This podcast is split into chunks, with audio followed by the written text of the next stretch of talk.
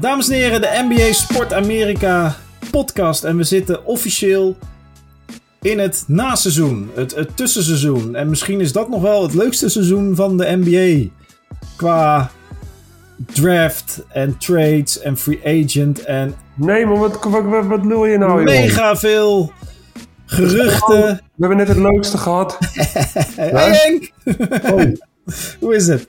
Ja, prima, maar het is toch niet het leukste, man? Nee, natuurlijk niet. Maar het is wel heel leuk. Het is leuk dat de NBA nooit Ik stopt. snap dat je enthousiast wil zijn voor de luisteraars, maar het is niet het leukste. Het leukste is de NBA Playoffs. Summer League. Wat is er niet leuk aan de Summer League? Ja, Ehm, nee, je hebt gelijk, je hebt gelijk. Maar eh, het is wel een heel fascinerend, interessant eh, gedeelte van eh, het NBA-jaar, vind ik altijd. Ik word altijd wel, wel vrolijk van. Maar, maar je hebt gelijk, voordat we daar naartoe gaan. Ja, je hebt de, ik heb met Nieuw, hebben we vorige week een therapeutische podcast gehad over eh, het verlies van de Celtics in de finals en het win, de winst van eh, de Warriors. Ze waren heel lief en vriendelijk tegen elkaar. Eh, we hebben gewoon ja, dingen heeft geen andere keuze om vriendelijk tegen jou te zijn. Hij kan heel boos gaan doen. Kijk, weet je wat het is? Jij bent dan lief tegen Nieuw, hè? Maar even over... Stel, het was andersom geweest. Had Nieuw jou zo kapot... Had hij een beetje... Dan was hij een beetje de Draymond Green geweest in deze podcast en iedereen helemaal kapot gemaakt. Ja, misschien wel. Misschien wel. Maar eh, Maar ja, hé? het was een mooie emotionele podcast waarin we gevoelens hebben geuit en eh, open waren naar elkaar. hey, maar hoe heb jij het ervaren? De, de, de, jij hebt nog heel veel gedaan voor ESPN in die laatste wedstrijden. Ehm, hoe was voor jou de, deze finals van dit NBA-seizoen? Nou, heel eerlijk, het toch wel een klein beetje tegenvallend, man. Ja? Ja, nou kijk, Steph Curry natuurlijk niet, hè. En de Warriors, super vet dat ze weer terug zijn. En het is wel echt, eh, eh, van de afgelopen tien jaar is de Warriors toch echt wel het team. En eh, ja, wat ik zeg, Steph Curry, Klay Thompson en Draymond Green die dan weer pakken. Iguodala er nog bij, die pakken een vierde. Ja, dat is wel super knap natuurlijk. Alleen, we hebben geen killerwedstrijden gezien. We hebben niet... Kijk, het, het moment van de playoffs is dat, dat, dat Steph Curry dan de handjes op elkaar legt en zegt: jullie kunnen gaan slapen en ze winnen hem. Ja, Maar eh, maar je hebt nog wel game 4 in Boston met 43 punten van eh, Curry. Dat was toch wel een beetje killer? Ja, Dat was dit- wel maar- ik heb, ik heb wel echt de, de, de puntje, puntje, de, de, de Ja, gemist. Waar je dacht van, hé, hey, eh, wat als eh ze, ze, ze teen niet op de driepuntlijn stond? Wat als Ja, ja, ja, ja. eh, daar geen turnover werd gegooid? Dat is er niet, want er waren te veel, alle wedstrijden waren blowout. Werd, bij de laatste drie minuten was het al beslist. Ehm, dus het was wel spannend tot 2-2, 3-2 en ja, dan uiteindelijk dan 4-2. Maar ik had op iets spannendere playoffs gehoopt. Ja, nee, dat, eh, dat snap ik. Dat snap ik, ja. Nou, ik, ik moet zeggen, ik heb natuurlijk als Warriors-fan niet te klagen. Eh, vorige week ook eh, in de podcast uitgebreid over gehad. Maar eh, ik snap je punt vanuit uh, basketbaltechnisch oogpunt. Maar ik, ik heb die discussie ook tijdens de playoffs gezien. Want de, de hele playoffs waren er heel weinig Ja, puntje-puntje wedstrijden. Er was vooral veel... er was er eentje toen, volgens mij Bucks tegen de Celtics. Dat Al Horford de bal nog net na de buzzer erin tikte. Ja. Ehm, Ja, en die ene bal zullen er en er zullen nog- spin maakte en dat hij die lay-up maakte. ja, ja, wel. dus, dus, de, Maar- de, dus de Bucks Celtics serie had er wel één of twee. Maar geen En we, zijn, en- en we zijn er misschien ook nog wat vergeten natuurlijk, want er zijn best een hoop wedstrijden gespeeld. Ehm, maar is dat niet gewoon het, het, het, de reden daarvoor is dat het, het nieuwe NBA basketbal leunt veel op de driepunten. En ja, als de driepunten bij de een wel valt en bij de ander niet, dan kan het ineens knijten hard gaan met... eh Ja, maar dat, ja, dat is kan dat niet het natuurlijk wel- enige? Dat, dat, dat kan natuurlijk wel een wedstrijd zo gaan. Dat kan natuurlijk wel twee wedstrijden zo gaan. Maar dat kan niet de hele play-off zo gaan. Nee. Snap je? Dus, eh, dus het is eh, ja, alsof die wedstrijd echt altijd in het vierde kwart... Dan maakt één team een run en dan de andere die valt dan een soort dood. En dan, eh, dan, dan is het afgelopen. En het, eh, ja, waar het aan ligt, ja, dat weet ik niet precies. Misschien inderdaad aan de driepunters, maar... Ja, ik, ik hoop dat we gewoon weer meer spanning krijgen straks. Ja, ja, nou, daar gaan we het zo nog over hebben. Want eh, eh, de draft en de daaruit volgende trades zijn al begonnen. En vannacht, eh, het is nu donderdag. Is donderdag? Nee joh, het is Nee, woensdag. man. Ik kan het zeggen. ik, Dan, ik zit helemaal in de war met mijn tijd. Qua, qua, qua- ik ben blij dat ik over twee weken op vakantie ga. Ehm, eh, wat zei je? Alweer? Nou, niet, nou de, de andere reizen zijn allemaal voor, voor werk. Maar eh, nee, eh, ja, nee eh, de, de, de, de free agent signings kunnen gaan beginnen volgens mij morgen nacht dan. Of Ja, er gaat een hoop gebeuren, man. Er gaat heel veel gebeuren. Laten we even. We hebben ook trouwens eh, voor de oplettende. We hebben ook weer vragen aan jullie. of tenminste gevraagd aan jullie of jullie vragen hadden. En er zijn een aantal hele interessante binnengekomen. De leukste gaan Henk en ik belonen met een shirt van Neil. Dus dat is makkelijk weggeven. dat Neil ooit in het begin van dit seizoen. ergens halverwege in januari of zo gekocht heeft in New York. In de Madison Square Garden. Maar voordat we bij die vraag komen, laten we even kort naar de draft gaan. Uh, ik, ik, ik, kijk nu net even en ik zie op, het, uh, op internet nu staan dat de, de Instagram story van Damian Lillard, moet je even kijken.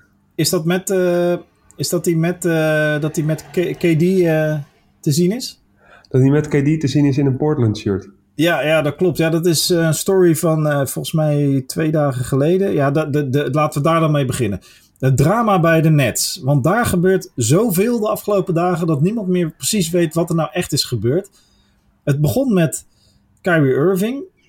Uh, die heeft een uh, speleroptie dit jaar om uh, voor 37 miljoen bij de Nets te komen. Maar Kyrie Irving was het ook een beetje zat bij de Nets. Hij denkt dat hij daar de baas is en dat hij samen met KD alles mocht bepalen. Nou, daar kwam hij vies van terug. Hij heeft eigenlijk door zijn beslissingen en zijn uniekheid uh, Harden weggejaagd. Volgens mij heeft hij inmiddels een, prima cv qua uh, de chemistry in teams verpesten. Dus Kyrie Irving zei, ik wacht even met het uh, opt-innen voor mijn 37 miljoen. En de net zeiden, nou prima joh, als jij een sign-and-trade kan regelen met een ander team. be our guest. En uh, er was geen enkel team geïnteresseerd, behalve de Lakers. En die hadden niet genoeg middelen om een sign-and-trade voor elkaar te krijgen. Dus toen zei Irving, oké, dan teken ik wel 37 miljoen bij de de Nets. En, uh, ja, het is, het, is, het is heel raar hoe dit allemaal weer loopt hoor. Ja, en ondertussen, terwijl dat allemaal gebeurt, bedoel, al die geruchten komen natuurlijk via Twitter, via Instagram, komen in de, in de ether. Dus mensen gaan erop reageren. En een van de reacties was onder andere dat Durant dus zei van ja, ik ga nu wel even opletten, want als Irving echt weg is, dan weet ik niet of ik hier wil blijven met Ben Simmons. Waarop ik nog in een groep WhatsApp zei, hey, straks is Ben Simmons de sterspeler van de Brooklyn Nets. Nou, die kan vast wel met die druk omgaan. Um, anyway, maar daar kwam, daar, kwam die, daar kwam die post, uh, die post vandaan van, uh, van Damian Lillard, Lillard, die halverwege deze soap dacht: hey, KD, waarom kom je niet gezellig bij mij spelen? Ja, nee, maar dit, dit is zonde. Het zijn al, die, al die spelers die zoeken nu gewoon andere opties. Ja, ja, uh, ik, ik hou er niet zo van. Ik, nee, ik ben er nog een beetje klaar mee, weet je wel. Van, oh, dan gaan we nu maar eens kijken of, of KD met Lillard kan spelen. Oh, dan doet hij dan weer Kyrie Irving. Oh, en uh, dan doen we weer even James Harden. Oh, dan gaan we weer met Steph Curry. Oh, misschien gaat hij wel samen met LeBron spelen. Ja, want het, het, het zit niet echt een... Uh, het is logisch dat ze steeds meer haters krijgen... en dat steeds de spelers die bij hun team blijven... dat die steeds meer uh, liefde krijgen. Dan krijg je een soort van ja, tweestrijd toch wel ja, nou, volgens mij de meest, de meest succesvolle teams dit seizoen. Uh, Golden State Warriors. Uh, ja, vorig seizoen eigenlijk. Golden State Warriors. Alle, volgens mij zeven of acht spelers van dit kampioensteam hebben ze zelf gedraft. Boston Celtics, natuurlijk ook uh, vooral uh, spelers uit de eigen draft die lang bij het team zijn gebleven. Giannis ja, jaar daarvoor Milwaukee Bucks. Ja, Giannis Antetokounmpo, Miami Heat, uh, Dallas Mavericks, ook een, een, team gebouwd rondom eigen draft en daar omheen rolspelers traden. Dus ja, die player empowerment die je ziet, waar LeBron James ooit mee begonnen is, dat is natuurlijk mooi. Dat is goed dat de spelers ook daarin een eigen stem hebben. Maar je ziet dat het in het geval van een speler die, nou ja, gewoon letterlijk constant buiten de doos denkt. Eh, zoals ja, dat het helemaal mis kan. Het is zonde. Het is zonde. En dan gaan die gasten niet spelen. Heb je nog die, eh, die, die Bradley Beal, die dan ook... Ja, die, die zag ik ook zo'n poosje voorbij komen, dat hij dan een seizoen 0 wedstrijden, dan een seizoen 40 wedstrijden, dan weer een seizoen 0 wedstrijden. En nu neemt hij zijn optie van uh, eh, 46 miljoen, geloof ik, of zo. Ah, dat gaat nergens over. Gaan. Ja, en Bradley Beal is gewoon uh, iemand die de Washington Wizards kunnen niemand anders zomaar signen. Die gaan niet zomaar een, een, een top 10 speler signen. Bradley Beal is denk ik een top 40 speler. Wat goed is, zeg maar à la Clay Thompson. Daar ben ik niet meer mee eens, man. Als jij een jaar niet speelt... Je ziet het daar, Clay Thompson is er ook oh, zo. Ja, nee, nee. Ik ga vanuitgaan dat hij wel speelt. Ja, ja vanuitgaan dat hij wel speelt. Maar ja, je ziet bij die gasten... Die, die, die, ja, ik denk dat je maar... Die, die, die max-contracts, die worden nu echt aan best wel veel spelers worden die gegeven. En ik vind het eigenlijk wel...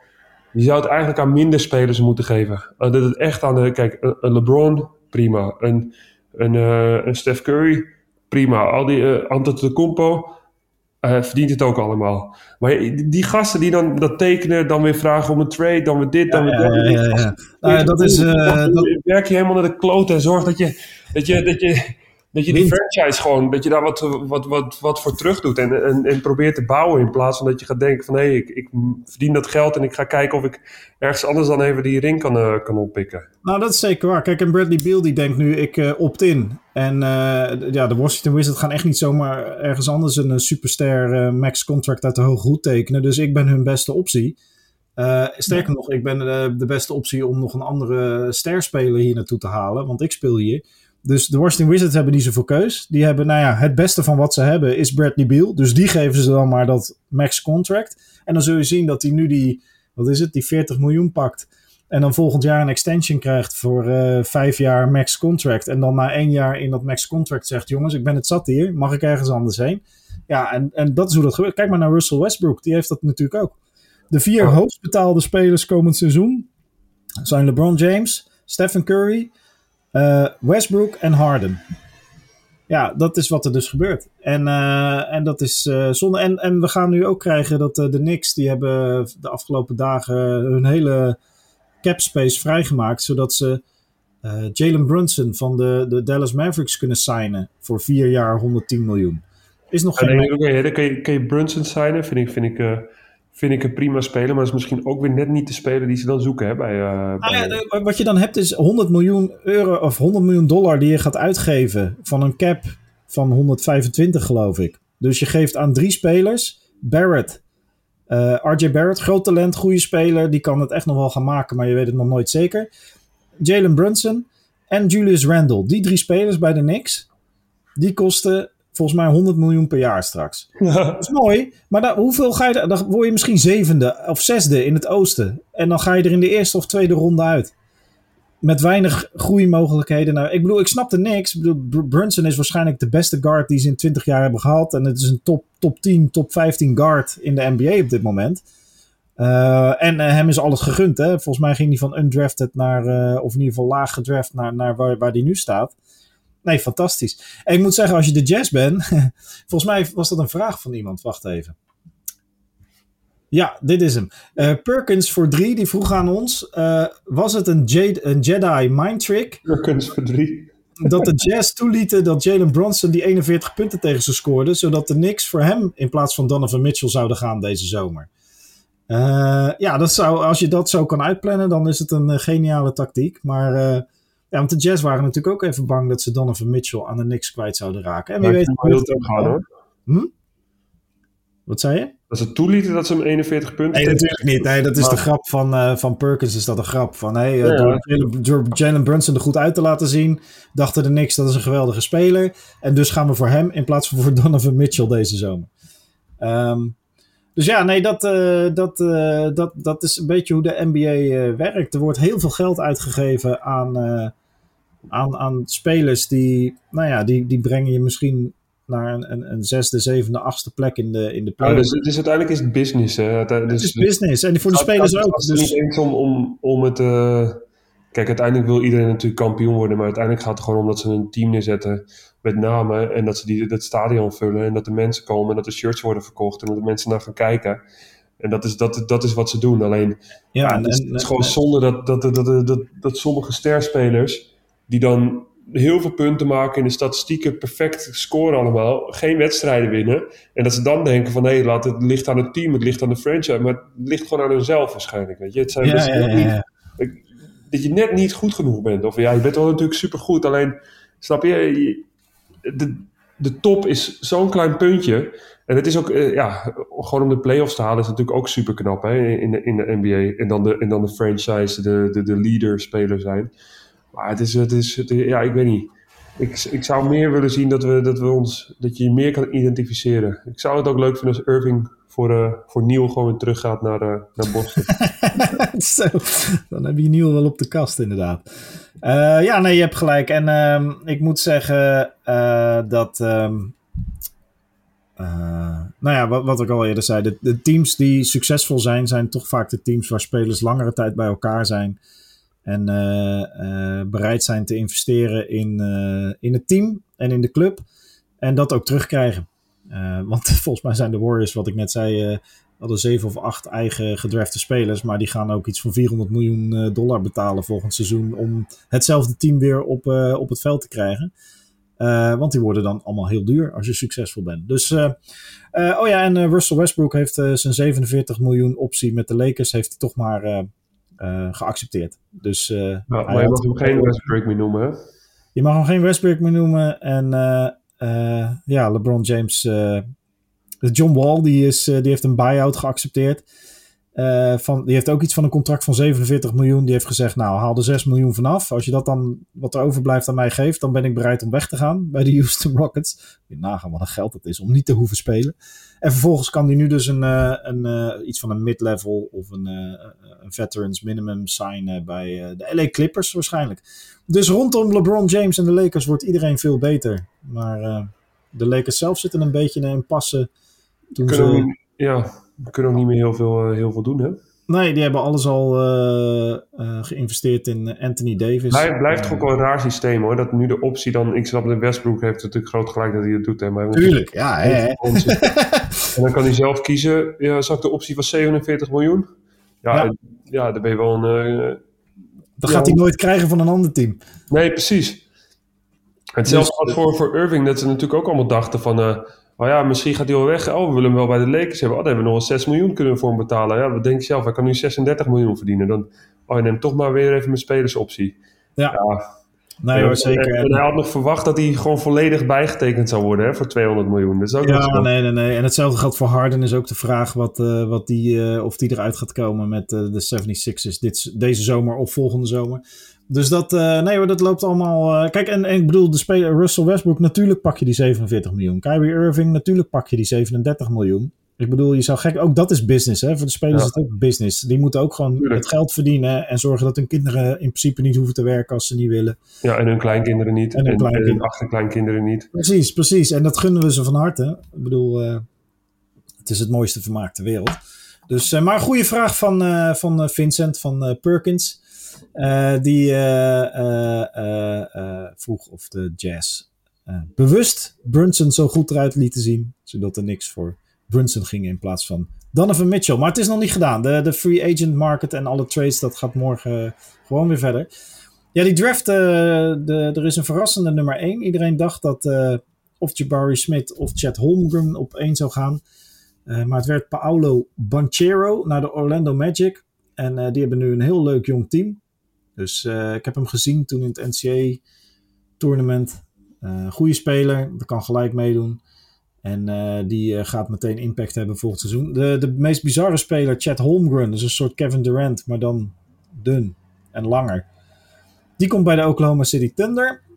Dus dat, uh, dat, wordt heel, dat wordt denk ik, Oklahoma City Thunder wordt echt wel een leuk team om te gaan kijken af en toe. Dus ik hoop dat wij ook commentaar mogen doen bij de... Team Towers, hè? Ja, ja, precies, met Poku. Maar ook, ook daar even over die draft. Hè. En dan dat je die gast hebt van ja, LeBron James die moet zich nog maar eventjes bewijzen tegen mij. Uh, ik ben de beste speler in twee maanden. Ja, hou op hoor, hé. Maar even, even, serieus, die gasten die moeten toch gewoon naar de NBA te komen en zeggen van hé, hey, ik ben super blij dat ik hier mag komen. Ik ben als vijfde gedraft. ik vind eigenlijk dat ik nummer twee of drie had moeten zijn. Uh, maar dat zal ik gedurende het seizoen wel bewijzen. Daar, kan je een beetje, daar kunnen we wel een beetje mee spelen. Maar dat je gaat zeggen dat je betere speler dan LeBron bent en weet ik wat. Dan heb je gelijk weer iedereen tegen je. Ik snap niet waarom die gasten dat doen.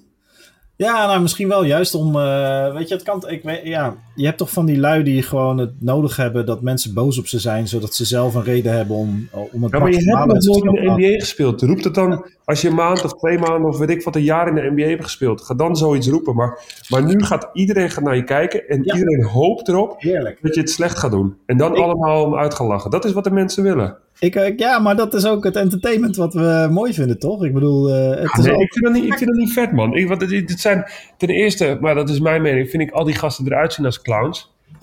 nee, nee, nee, serieus. Je komt in een pak, ga je naar de NBA draft. Het is geen ja. pak meer, hè? Het is gewoon, het is gewoon wie heeft er de, meeste glitter en, het, het, het, is, het is gewoon een, uh, ja, ik weet niet man, een clownspak vind ik het. Ja, en dan, dan hebben ze allemaal hebben ze een medaille om van de van de 40.000 diamanten die eraan zitten. Nou, vind ik allemaal nog. Dat is, Maar dan, dan gaan ze zo praten. Denk ik van, gast, bewijs je nou gewoon op het basketbalveld. Doe nou, oké, je wordt als nummer 1, nummer 2, nummer weet ik wat. Je wordt in die, in die lottery, word je gedraft. Wees daar gefocust. Ga basketballen in plaats dat je gelijk een grote bek opzet, weet je wel. Het lijkt alsof dat er nu een beetje hip gaat worden, maar ja, ik, ik hou daar niet zo van, man. Nee, nee, nee. Maar dat komt omdat wij ook richting de leeftijd eh, eh 40 plus gaan, hè? Uh, speak for yourself. Huh? dus dan, eh, dan, dan moeten wij toch een beetje zeiken op de jonge Ja, generatie. dat is misschien wel, dat is misschien dan een nieuwe Ja, maar generatie. kijk, maar jij bent, jij, bent ook, jij bent ook topsporter. Je houdt, ik bedoel, eh, ik, ik hou ook van de sport, maar jij bent topsporter. Je hebt respect voor de sport. Je hebt re- respect voor de andere strijders in de sport. En, eh, en, dat, en dat, is ook, dat is ook mooi. Dat is ook, maar ja, je hebt aan de andere kant, ik bedoel, niet elke rookie zal zo zijn. Nee, dat Eh, snap ik. zo- wel. Jij bent rookie, hè? Je gaat naar de NBA toe. Ja. En dan, en, dan, en dan mag je aankomend seizoen tegen LeBron James gaan spelen. Dan Ja. kan je zeggen, ik ga me helemaal voorbereiden om LeBron James zo moeilijk mogelijk te maken. Om hem helemaal, om echt een moeilijke wedstrijd. Dat is, dat is mijn doel, mijn focus voor dit jaar. Om, om, eh, om al die sterspelers te laten zien eh, dat ik ook de potentie heb om erbij te horen. Of, weet ik wat, of, of dat ik daarbij hoor. Of dat ik een van hun wil zijn. Of, en dat ik me met, de- met de beste op de wereld wil meten.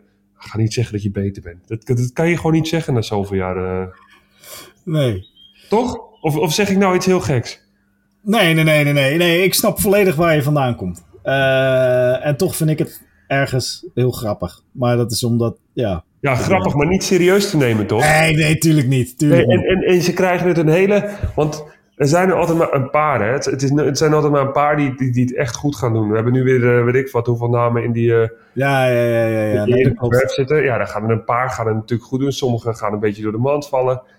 Ja, dus stel je De een beetje loyaal de- op. een beetje- De meeste zullen, tenminste een groot aantal zal eh, een mooie rol eh, kunnen spelen als eh achtste, negende, tiende man. Nee, zeker, zeker. En er zijn er een stuk of vijf tot tien die misschien eh, over tien jaar nog steeds eh, spelen in de NBA. Al dan niet als eh, superster. Eh, ja, superster worden er sowieso maar weinig. Ehm, maar ik moet zeggen dat Detroit het heel goed gedaan heeft in, eh, in de draft. Detroit heeft een heel leuk jong team nu. Oklahoma City heeft een heel leuk jong team. Daar gebeuren interessante dingen. De Houston Rockets ook. Degene die op vier mocht kiezen, de Sacramento Kings, hebben weer iets gedaan wat niemand begrijpt. En dat zal wel weer volledig verkeerd uitpakken. En eh, ja, en er zitten gewoon een aantal interessante spelers. Maar goed, we zijn al, alle, de, de draft is de draft. En wat jij zegt, eerst maar eens laten zien eh, in een paar maanden. Precies. eh, je kan je nog niet echt zeggen wie de grote winnaars zijn tot Nee, het nee, eh, nee, nee, uiteindelijk het seizoen begint. Zeker. En, We eh, hebben nog, eh, we hebben, nou daar heb je volledig gelijk in. We hebben nog wat vragen. Eh, Hans den Dekker die vraagt: eh, Is John Wall een goede aanwinst voor de Clippers? Ja, volgens mij als je voor zo weinig geld John Wall kan krijgen. eh, Het kan, eh, ja, als het niks is, is het niks. Maar als hij nog een beetje iets kan van wat hij vroeger kon, dan is het een gigantische aanwinst, toch? Ja, ja, wel. Maar ja, je hebt natuurlijk ook ehm eh, Kawhi. Je hebt ehm, Paul George. Dat zijn toch wel jongens. Ja, je moet dan toch weer oppassen dat je niet meer drie van die oude gasten hebt die dan iets naproberen te streven wat dan niet haalbaar gaat zijn. Dus ja, ik, Nee, dat is waar. Ik, ik weet niet of het een hele goede aanwinst is. Ook dat, ik denk dat John Wall, ik denk wel dat hij hongerig is en dat hij, eh, dat, hij dat wil bewijzen. Ik denk dat een beetje, het team een beetje gaat eh, staan en vallen met, eh met Kawhi Leonard.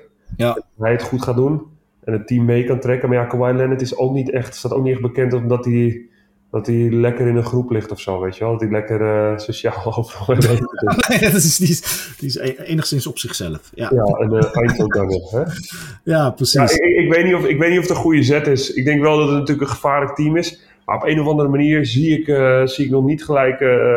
ik zeg van, oh, de Clippers. Oh, contender voor, de, voor, het, voor het kampioenschap. Zie je Nee. dat zie nog niet gebeuren. Nee, nou, ik denk dat het. ik denk als ze gezond blijven en ze komen er met elkaar uit met, eh, qua balverdeling. Dan is het een, eh, zeker een top 4 team in het Westen. Eh, maar kampioen worden gelijk nadat ze allemaal daar. En, en nieuwe gasten en een jaar geblesseerd, twee van hun belangrijkste spelers. Ja, dat is niet makkelijk. Maar goed. Ik ben, wel, ik ben wel echt benieuwd wat, wat de off-season dus gaat eigenlijk doen voor, voor Denver Nuggets. ja, Want die hebben natuurlijk Murray, die komt terug. Ja, die moeten... Het zou, het zou voor hun leuk zijn als ze nog één, nog één goede speler, hongerige jonge speler erbij krijgen. Ja. En ja, ik ben ook al benieuwd wat er natuurlijk met Dallas gaat gebeuren. Nou ja, de, de, de, de, de, want ik zie nu, eh, er zijn echt tientallen vragen binnengekomen. Ehm, Sam Klap die vraagt wat is de dark horse van volgend seizoen? En ik denk dat je daar zojuist eh, een beetje antwoord op gegeven hebt. Ja. Eh, qua, Ja, je eh, hebt Rudy Gobert, hè? dat wordt ook nog gevraagd. Waar, waar, gaan, waar gaan we die landen, Rudy Gobert? ja, ja, ja. Ja, Dus Ja. dat ik ook wel een hele goeie. Ik had gehoord dat Rudy Gobert, dat ze dan eh, eh, misschien bij de Dallas Mavericks. nou, dat zou fantastisch zijn. Zeker als Ja, ze Jalen Brunson kwijtraken. Dan... Ik weet niet of, of je echt Rudy Gobert in je team wil hebben. Ik vind hem Maar een het geweldig is- speler. Hij is verdedig- Ja. verdedigend de allerbeste speler. Maar Rudy Gobert is niet de speler die jouw team, eh, denk ik... Ik hoop dat ik het verkeerd heb, want ik vind het wel een fantastische speler. Maar hij gaat je geen kampioen maken. Omdat op het moment dat je in de aanval speel je maar met vier gasten. Ja, je kan hem boven de ring kan je hem aanpassen en dan, en, en dan dunkt hij hem door. En hij staat super goed te verdedigen. Maar hij creëert zelf met de bal kan hij niet creëren. En ik denk dat ze wel nog een, gro een iemand nodig hebben die ze de bal kunnen geven. Die ook in moeilijke momenten die bal kan nemen. Want nu zag je toch heel veel bij Dallas dat het allemaal van Luca moest komen eigenlijk. Luca die bepaalde het hele spel. En als je dan een iets grotere speler nog hebt die dat ook kan. Niet zozeer als Luca, maar wel iemand die gewoon die één tegen één kan pakken. Want je hebt nu Powell, weet je wel. Eigenlijk is Rudy, Rudy Gobert... ehm, ja, gewoon een 3.0 versie van, van, van Powell, weet je. Powell is natuurlijk ook iemand die Ja. Kan dunken. Ja, Powell schiet ook wel een beetje, maar atletisch, groot, verdedigen. Ja, Ja. nee, eh, ja, volgens mij als, als, het je, als het niet een van je eerste drie opties in de aanval hoeft te zijn, dan is het een geweldige speler om te hebben. Maar ik denk, ik denk als Kevin Durant naar, eh, naar Dallas toe gaat, dat Dallas wel een grote kans heeft. Ja, nee, als Kevin Durant erheen gaat, eh, dan, dan zeker. Maar dat zal niet zomaar gebeuren. Ehm, we hebben nog een vraag van onze profielrenner, David Dekker. David Dekker, sorry David. Die vraagt, eh, worden er niks ooit nog wat? Ah, voorlopig is er niks, nog eventjes niks. Nee, nee, nee. En, eh, maar ze zetten wel stappen nu die wellicht de komende drie, vier jaar, maar dan moeten ze wel goede Ik verbaas me erover hoeveel fans er zijn van de niks, man. Ja, maar het is een grote mediamarkt en het is, eh, het is van oudsher. Ik heb net toevallig het boek gelezen van Chris Herring. Ehm, eh, een journalist uit Amerika. Die heeft een boek geschreven over de Knicks in de jaren negentig. Van Pat Riley eh, tot en met eh, Jeff Van Gundy. Geweldig boek. Als je houdt van anekdotes die alle kanten op schieten. bizarre verhalen van trainingsveld, wedstrijden. De Knicks in de jaren 90 waren een geweldig team om fan van te zijn. Ze waren knijterhard. Ehm liepen dwars door iedereen heen. En eh, zijn twee keer bijna kampioen geworden. Echt Game 7 bijna kampioen geworden. Als in één drie punten verwijderd van het kampioenschap. En eh, eh, hoe heet het? Die, ja, nee, dus, dus da- ja, daar hebben ze een hoop fans gemaakt. En, en, en volgens mij, bijvoorbeeld in Friends, weet je, al die series, daar, daar zijn de Knicks ook vaak, spelen vaak een, een bijrol. Ehm, dus ja, ik snap het wel. Er zit gewoon een hoop media in. Maar ze Ja. zijn al heel lang niet meer goed. Ja, ja, als je naar New York gaat, dan wil je ook een New York Knicks petje. Precies, precies. En, en, ik, en sterker nog, eh, het shirt dat we gaan weggeven is volgens mij een New York Knicks shirt. Dus eh there you go. Oh. Ehm, en eh, ja, nee, en ik denk als de, kijk, als de Knicks nu een strategie hebben, dat ze zeggen, nou, vanaf zeg maar afgelopen seizoen of twee seizoenen geleden zijn we gaan bouwen om over vijf, zes jaar in ieder geval een contender te zijn. Ja, dan zijn ze op het goede weg, denk ik. Maar is dit weer gewoon eh, ad hoc? Eh, nou ja, we gaan dit seizoen weer dit doen en volgend seizoen kijken we wel weer wat er overblijft. Ja, dan gaat het niet werken. nee, dat gaat eh, het niet worden. Jesse Persoon, een jongen die ik ooit gecoacht heb. Shout-out naar Denemarken, dus gewoon een Deense luisteraar. Hè? Welk team gaat de grootste transformatie doormaken? Van slecht naar goed of vice versa?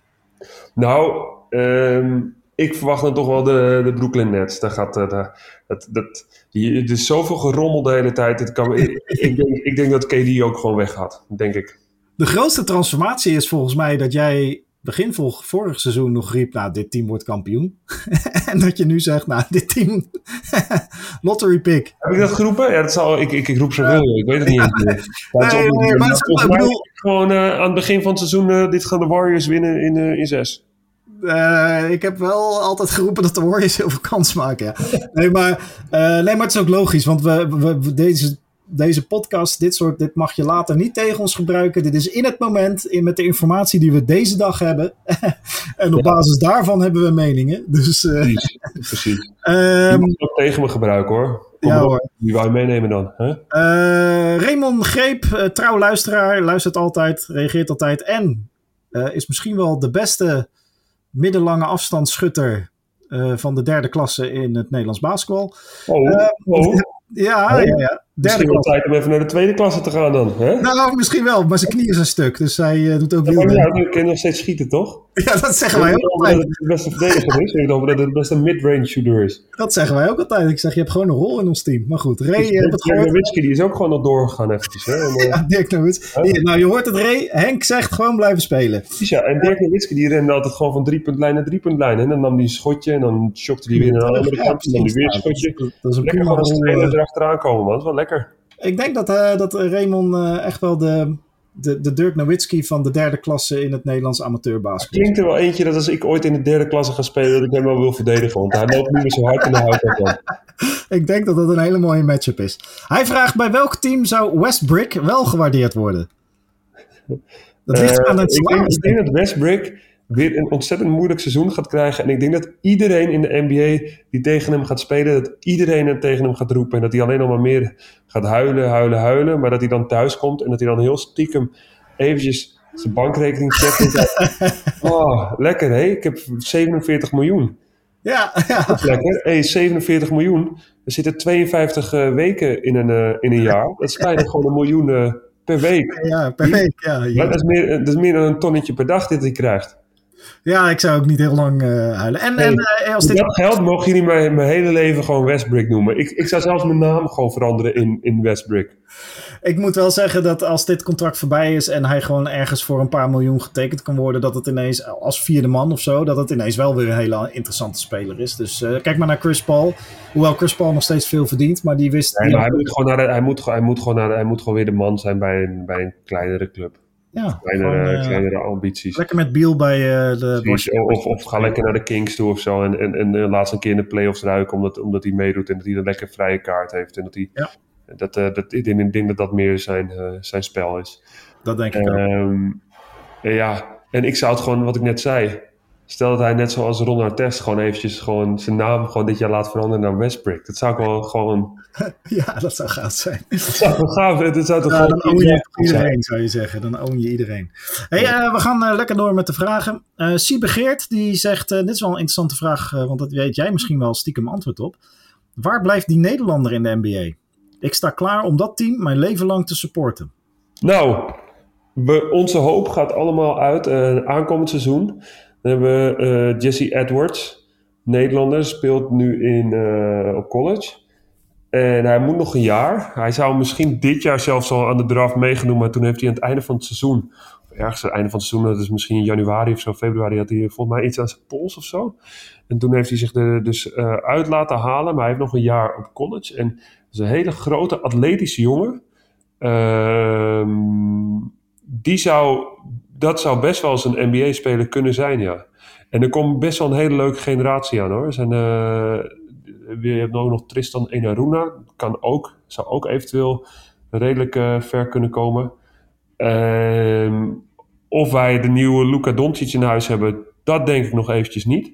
Nee. Maar we hebben, er zijn, zijn wel echt jongens die, uh, die kans maken om, uh, om ver te komen. Dan heb je ook nog Jannie Kraag, speelt bij Badalona. Is ook een jongen die ehm, die, ook, uh, die dat misschien ook wel kan gaan redden. Dus ja, uh, houd Nederlands basketbal zeker in de gaten hoor. Want het is. Uh, het, kijk, om eenmaal die stap. De, de, de, weg is ontzettend moeilijk. En het is maar voor een paar mensen weggelegd. En zelfs al ben je gedraft, daar kan ik over meepraten. Of zelfs al, al, al, kom je even op de bank in de NBA's. Als je daar eenmaal bent, dan is er nog steeds een hele lange weg te gaan voordat je uiteindelijk je minuten gaat maken. Of weet ik wat, als je niet echt heel hoog gedraft bent.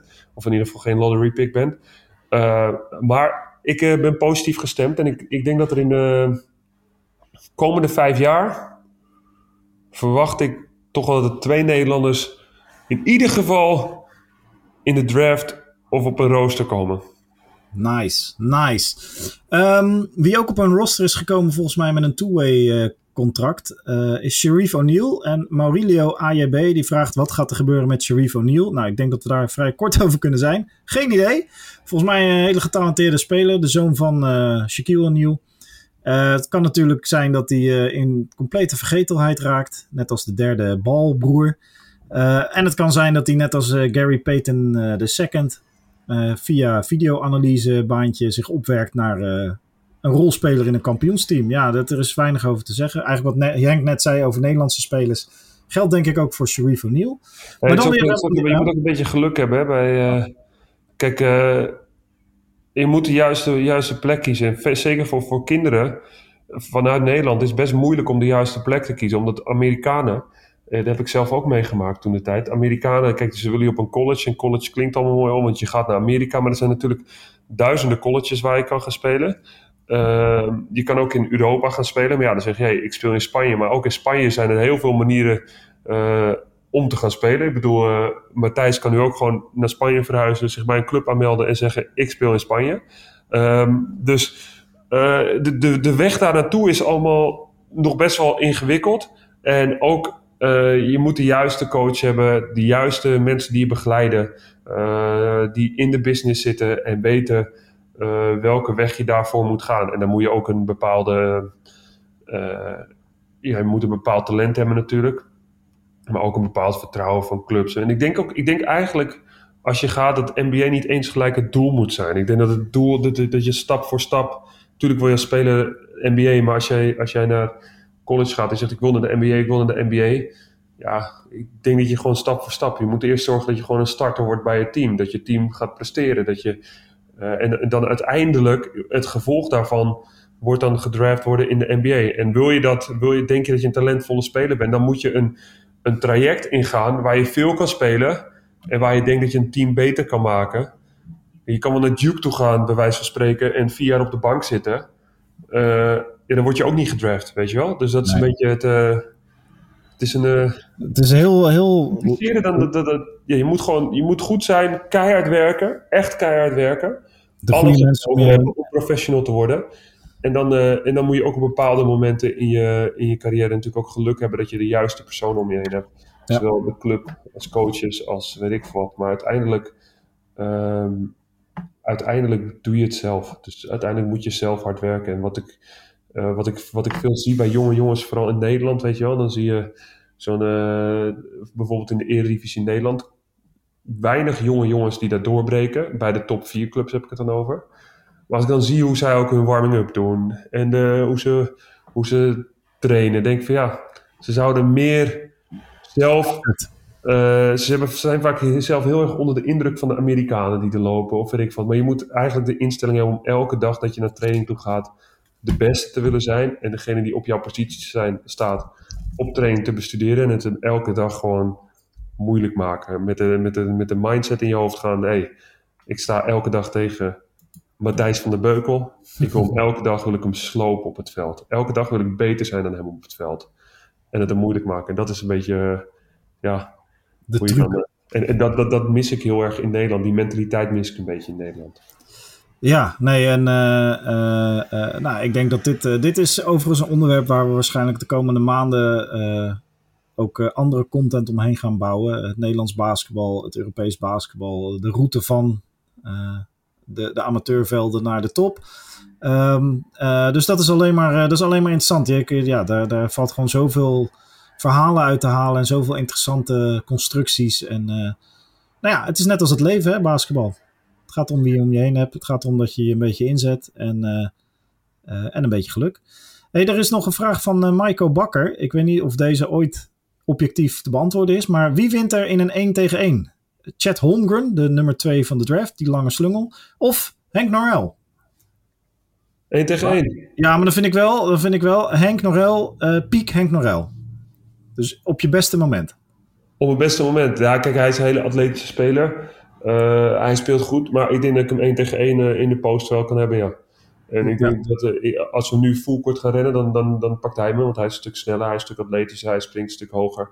Handels. Hij is ook als nummer 2 gedraft, dus uh, uh, dan ben ik ook gewoon reëel. Dan zou hij mij wel verslaan. Um, Of tenminste verslaan. ik, zal, ik zal mijn uiterste best doen om te, te stoppen. En, hem, en het hem zo moeilijk mogelijk te maken. Een 1 tegen 1 in de post win ik. Dat nice. ik zeggen. Ja, daar heeft hij gewoon niet de, body voor. Ja. Dat is overigens een grote zwakke punt, hè? daar heeft iedereen het over. Van uh, fantastische handles voor zijn lengte, uh, Kevin Durant 2.0. Maar hoe gaat hij ooit in de post als hij daar neergezet ja, wordt? Ja, post, post is um, Kijk, je, dit is wel een beetje een trend, hè, ook wat je ziet in het basketbal. Het wordt heel veel, we hebben het al erover, wordt heel vanaf de driepuntlijn. Het is heel veel penetrate en pitches naar de basket toe gaan en weer uitpassen. De bal moet, als de bal dan gaat bewegen, dan komen de openingen. Nou, dat kan hij hartstikke goed. En eigenlijk het, het klassieke spel om de bal uh, naar binnen te gooien en vanuit daar een, een, een poster maken. Ja, de, degene die dat dus nog wel doet, is bijvoorbeeld een, uh, een, een, Kevin Durant. Maar Kevin Durant die krijgt hem dan op de high post, dus ongeveer op de, op de vrije worplijn. Ja. En die speelt vanuit daar zijn 1 tegen 1. En dat doet hij ook niet echt met zijn rug naar de basket. En dat zie je ook bijna niet meer. Hè? Je hebt bijna geen spelers meer. Nee. De, de, de klassieke center van vroeger, zo maar even, even te zeggen. De Rudy Gobert's van uh, deze wereld eigenlijk ja, die, dat, dat worden allemaal atletische spelers die boven de ring kunnen spelen. Maar vroeger had je, had je Robinson, je had... Uh, uh, Sabonis, de vader van. Ja, Tim Duncan, Tim Duncan natuurlijk fantastische speler. Shaquille O'Neal. Basket speelde. Uh, je had Shaquille O'Neal, maar ja, dat was gewoon één puur monster atletisch vermogen die die bal er gewoon doorheen ramde. Maar ja, die centers die zie je niet meer. Je ziet geen centers meer van 2 meter 10, 2 meter 15 van 130, 140 kilo, die, uh, die zijn allemaal. Uh, dat, het spel gaat gewoon een stuk sneller. Ja, uitgerangeerd. Ik kan me niet eens de naam meer herinneren. Maar de Pacers hadden, hadden zo'n cent. Hm? Ja, Rick. Nee, die bedoelde ik niet. Uh, Pacers center Paul George's tijd was dat. Ja, ik weet wie je bedoelt, man. Uh, Tibbert. Nee, niet Tibbert. Tibbert is een hele goede Nederlandse rapper. Hibbert. Roy Hibbert. Roy Hibbert. Ja, die was fantastisch totdat de NBA veranderde. En toen verdween die binnen twee seizoenen van, van volgens mij All-Star en uh, All-NBA-team naar niks, naar geen contract. Greg um, Oden had je natuurlijk ook, maar ja, Greg Oden had veel niet maar ze was ook natuurlijk een hele grote... En had je nog uh, Rashid Wallace. Ja, ja. Ben, ben, ben Wallace, sorry. Ja. Hey, heb je nog, uh, we hebben nog, uh, we hebben nog uh, steeds een vraag of, jezus, een vraag of tien.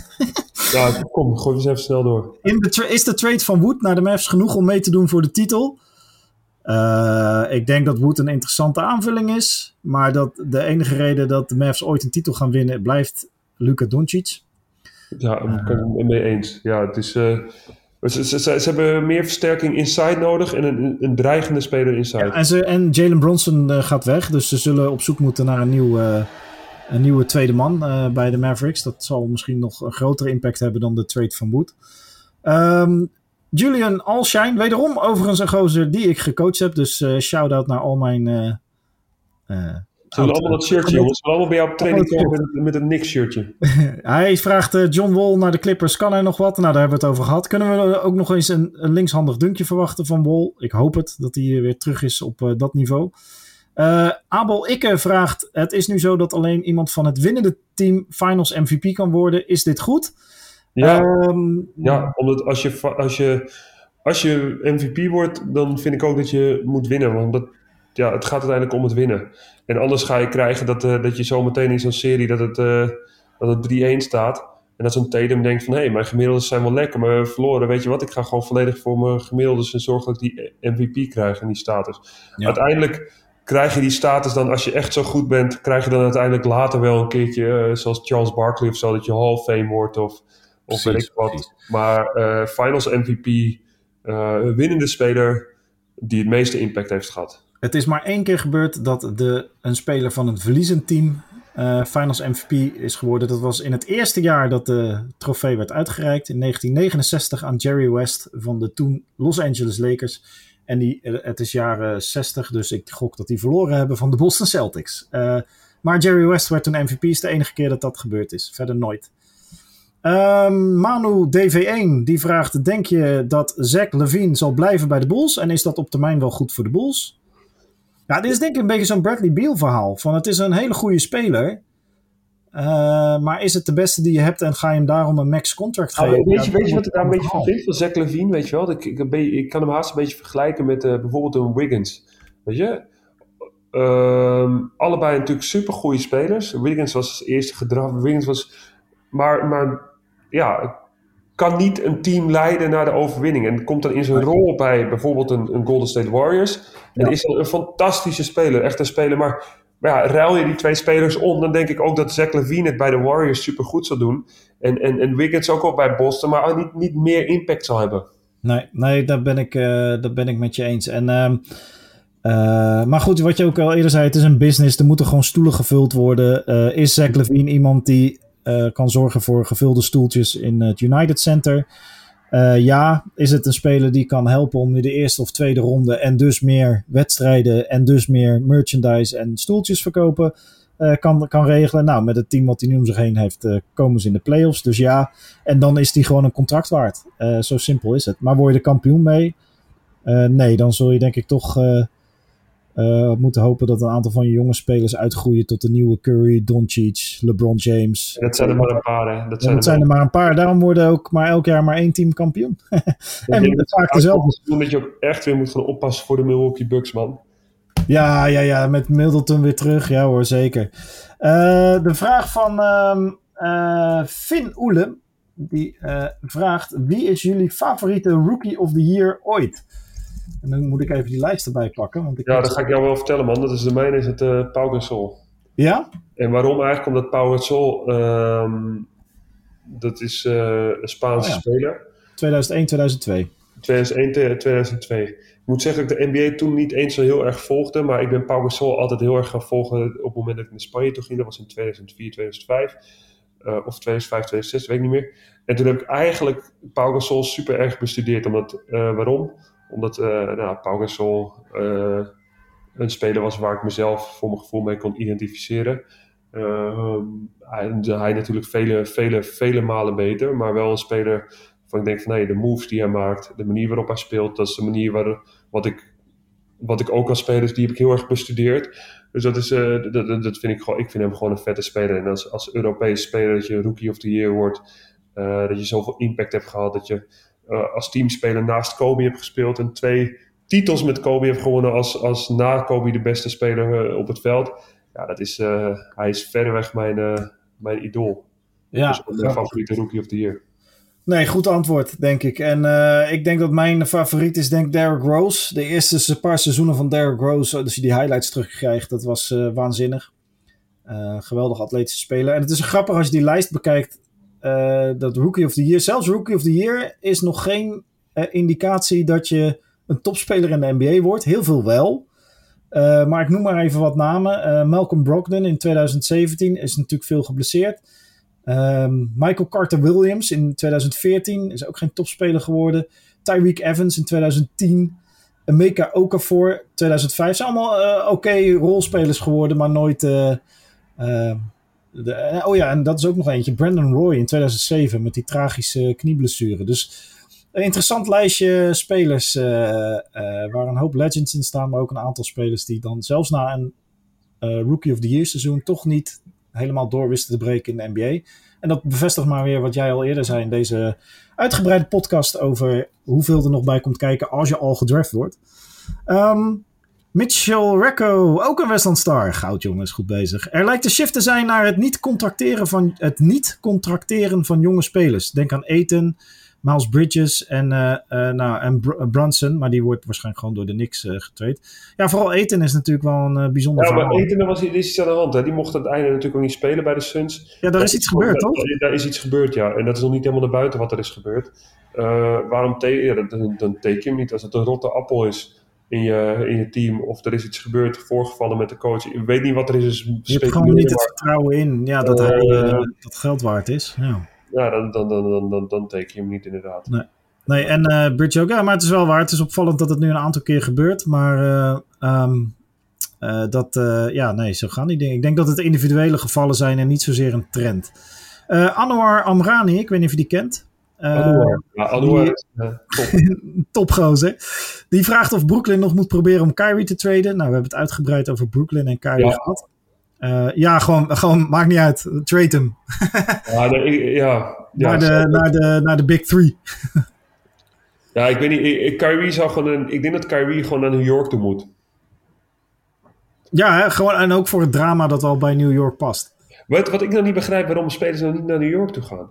Ja, omdat uh, dat ze daar niet gaan winnen de komende jaren. Oké, oké, maar uh, nou. je hebt toch bijvoorbeeld spelers, is, is bijvoorbeeld een, uh, bij New York is al zoveel jaren is het slecht gegaan. Ja. Dus Nee, de laatste je nog te verliezen. Het is toch moeilijker als je nu zegt: Oké, okay, ik ga nu naar de Warriors toe. Ja. En, dan, uh, en dan win je niet. Dan, heb je toch, dan, dan, dan verlies je sowieso. Snap je? Ja, nee, eens. En, en dan hoef je, je hoeft te, het enige wat je hoeft te doen is, is, is bij wijze van spreken playoffs te halen en je bent een held. De, de, de, de nou, kijk naar Julius Randle in dat jaar, uh, twee jaar geleden. Um, de laatste free agent, of de laatste speler die, uh, topspeler die een trade, of ja, een trade naar New York heeft afgedwongen was Carmelo Anthony. Dus zo lang geleden is dat alweer. Um, Patrick van Nieuwkerk, uh, die heb ik laatst gesproken. Die wil weten wat het recept is van je appeltaart. Uh, die zegt, nou dat is niet echt een vraag, maar die zegt jammer dat Irving bij de Nets blijft. Puur voor de off-season drama die we nu ja, gaan het is nog niet bekend of die blijft. Het zou nee, daarom. Dus het zou nog off-season drama kunnen worden. Volledig uit elkaar valt. Dat het, dat het allemaal... Uh, want ook, ook nu is er weer allemaal gezeik. Vorig jaar was er allemaal gezeik. Ja, altijd gezeik met die gasten. Het, het is de hele gezeik. Het zijn allemaal ja, ze willen wel met elkaar spelen, maar ze willen ook een soort van de man zijn, heb ik het idee. Ja. Ja, dat, die, die gaan uit elkaar, man. Dat, uh, dat, dat, ja, ik roep nu het wordt niks. Volgend jaar staan ze met de... staan, staan ze met de kampioenschaal in de hand. Ja, de kampioenschap en dan ga je houden. Maar het is goed, het is een hele lange podcast, dus misschien dat niet iedereen hem afluistert. Maar uh, Brooklyn Nets is, wordt, ja, wordt niks, denk ik. Nee, hè? Uh, Stijn... Ik ben te veel bezig met wat anderen van hem vinden. En, ja, en, en, en, de en, dan, en, dan heel erg, en dan heel erg het tegenovergestelde gaan doen. Ja. Dat is het vooral. Dus heel erg bezig met wat anderen van hem vinden. En dan daardoor een soort contrair, zeg maar, zeggen... Oh, ik, ik geef niks om wat anderen van me vinden, want kijk, ik doe het tegenovergestelde. Maar dat is niet altijd het meest verstandige. Stijn Pink vraagt hoe ver de Clippers het gaan schoppen met John Wall. Nou, die hebben we behandeld. Ruben Kraaienveld uh, van de fameuze Green Eagles uit Maasluis. Gaat de driepuntslijn verplaatst worden nu het spel zo erg naar buiten verplaatst is? En de drie bijna een soort uh, tweepunt jumper is? Nee, waar, waar zou je naartoe moeten verplaatsen dan? Nou, ik heb dit ook, deze discussie is ook wel eens geweest over dat de ring, dat, ze zijn zo atletisch dat de ring eigenlijk te laag hangt in de NBA. Dus dat de ring ook omhoog moet. Maar ik ben het met jou eens hoor. Ik, uh, ik vind het interessant. Ze hebben de driepuntlijn wel eens verplaatst naar binnen toe. En dat is uh, twee seizoenen gebeurd. En dat was, uh, daardoor werden bepaalde spelers ineens driepunt specialist. Dat is een hele interessante statistische... Ja, nee, maar, maar dat ze de driepuntlijn gaan veranderen. Denk het ook niet. Denk het nee. ook niet. Maar interessante discussie voor... Zou er een vierpuntlijn komen? Ja, dat zou, dat zou het hele spel veranderen. Als je vanuit de middencirkel of vanaf het logo schiet... Nou, moet je ja, dat je nog, dat je nog zo'n halve lijn doet. Ja. Een beetje zo'n zo'n lijn die je hebt dan bij... Uh, bij zaalvoetbal en dan nog, uh, laten zeggen, nog twee meter verder of zo. Ja. En dan zo net zo inderdaad door de cirkel van de, van de halfcourt heen loopt. Ja, maar dat, dat, dat, dan ga je heel gek. Dan, dan, dan, dan heb je opeens two-position games. Dan heb je gast als Steph Curry die dan even nog een vierpuntetje eruit knallen. Ja, die, die, die even twaalf punten in een uh, minuut schieten, zeg maar. Nou, ik, ik, ben, ik denk niet dat dat gaat gebeuren. Maar we hebben, even kijken. Ik ben wel benieuwd om het te zien hoor, maar ik ben er niet gelijk een volgens mij, uh, volgens mij bij de Big Three competitie, de 3 tegen 3 in Amerika, daar hebben ze een aantal extra regels met vier punten en zo. En vier punt spots. Dus uh, gewoon rondjes op het veld waar vandaan het vier punt is.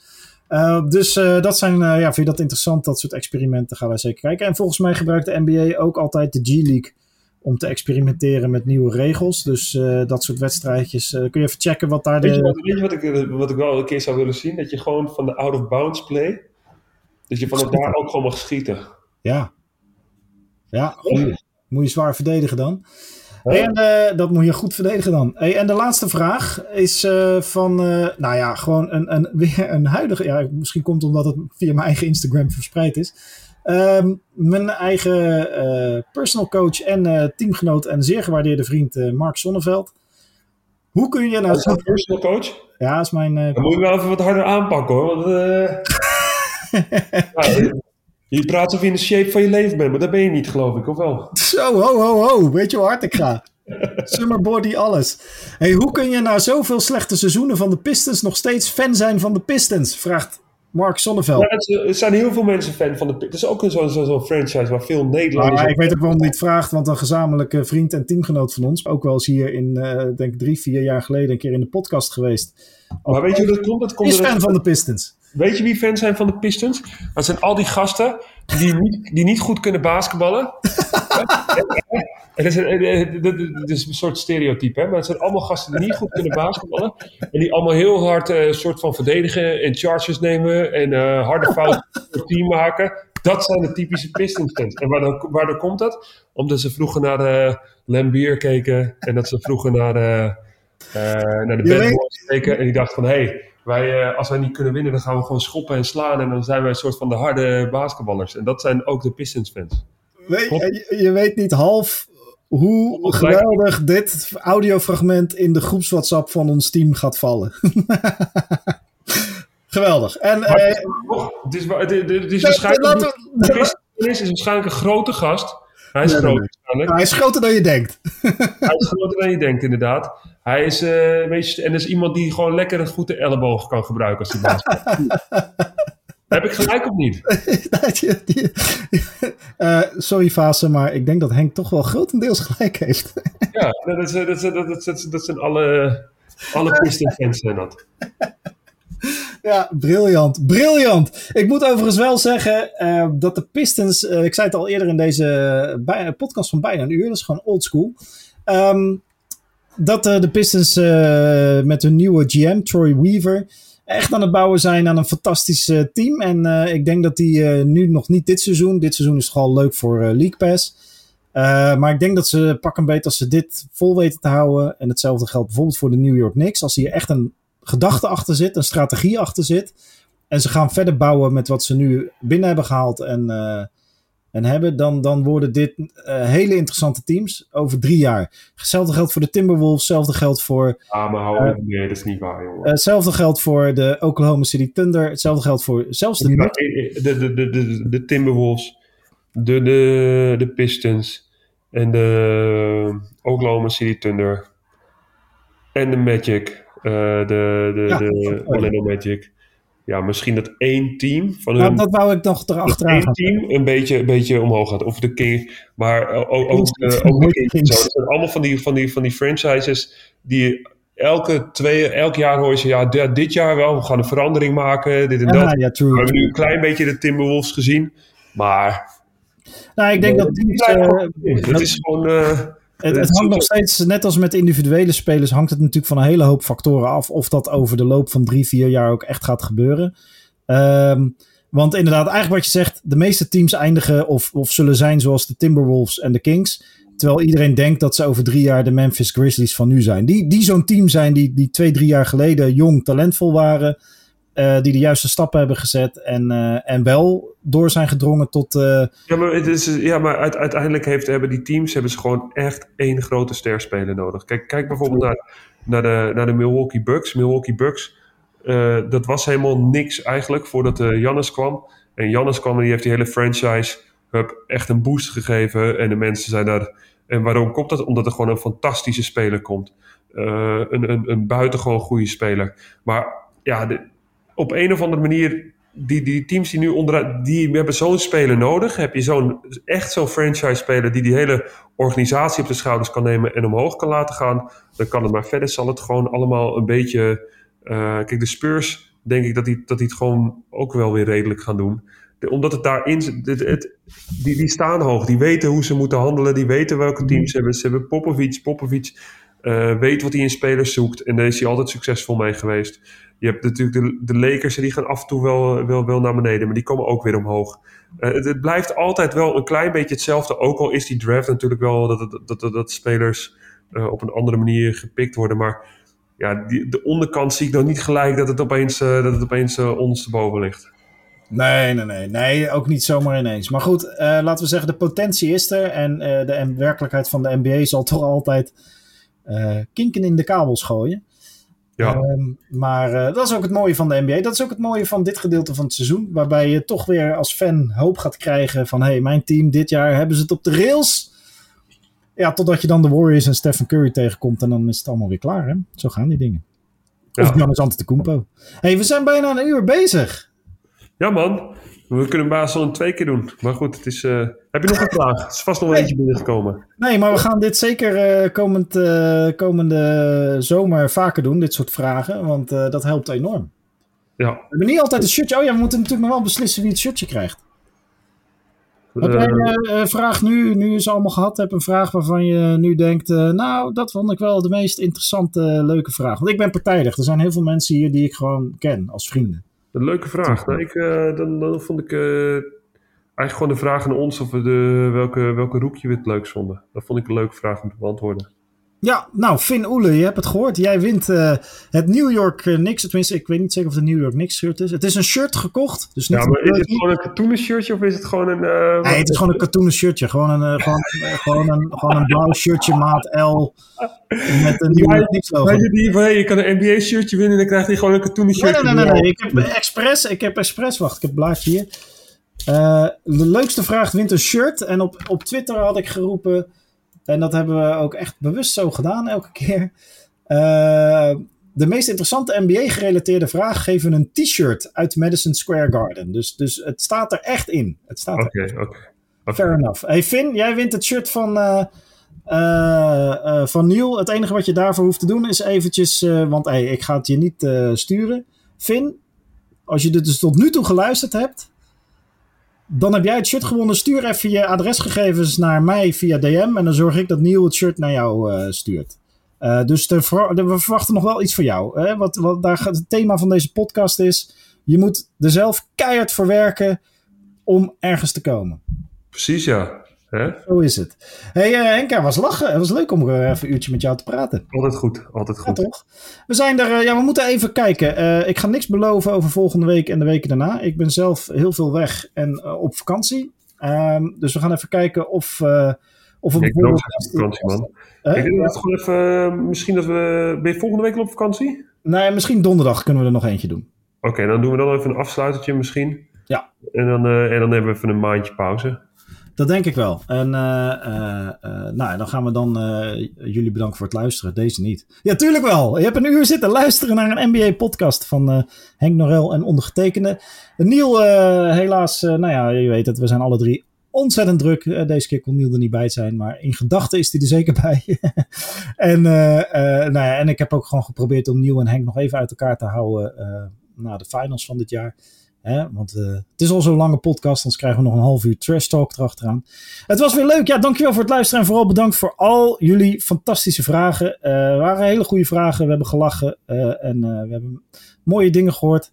Dus thanks Henk. Ik spreek jou volgende week weer. Oké, okay, rustig. Later. Hoi hoi.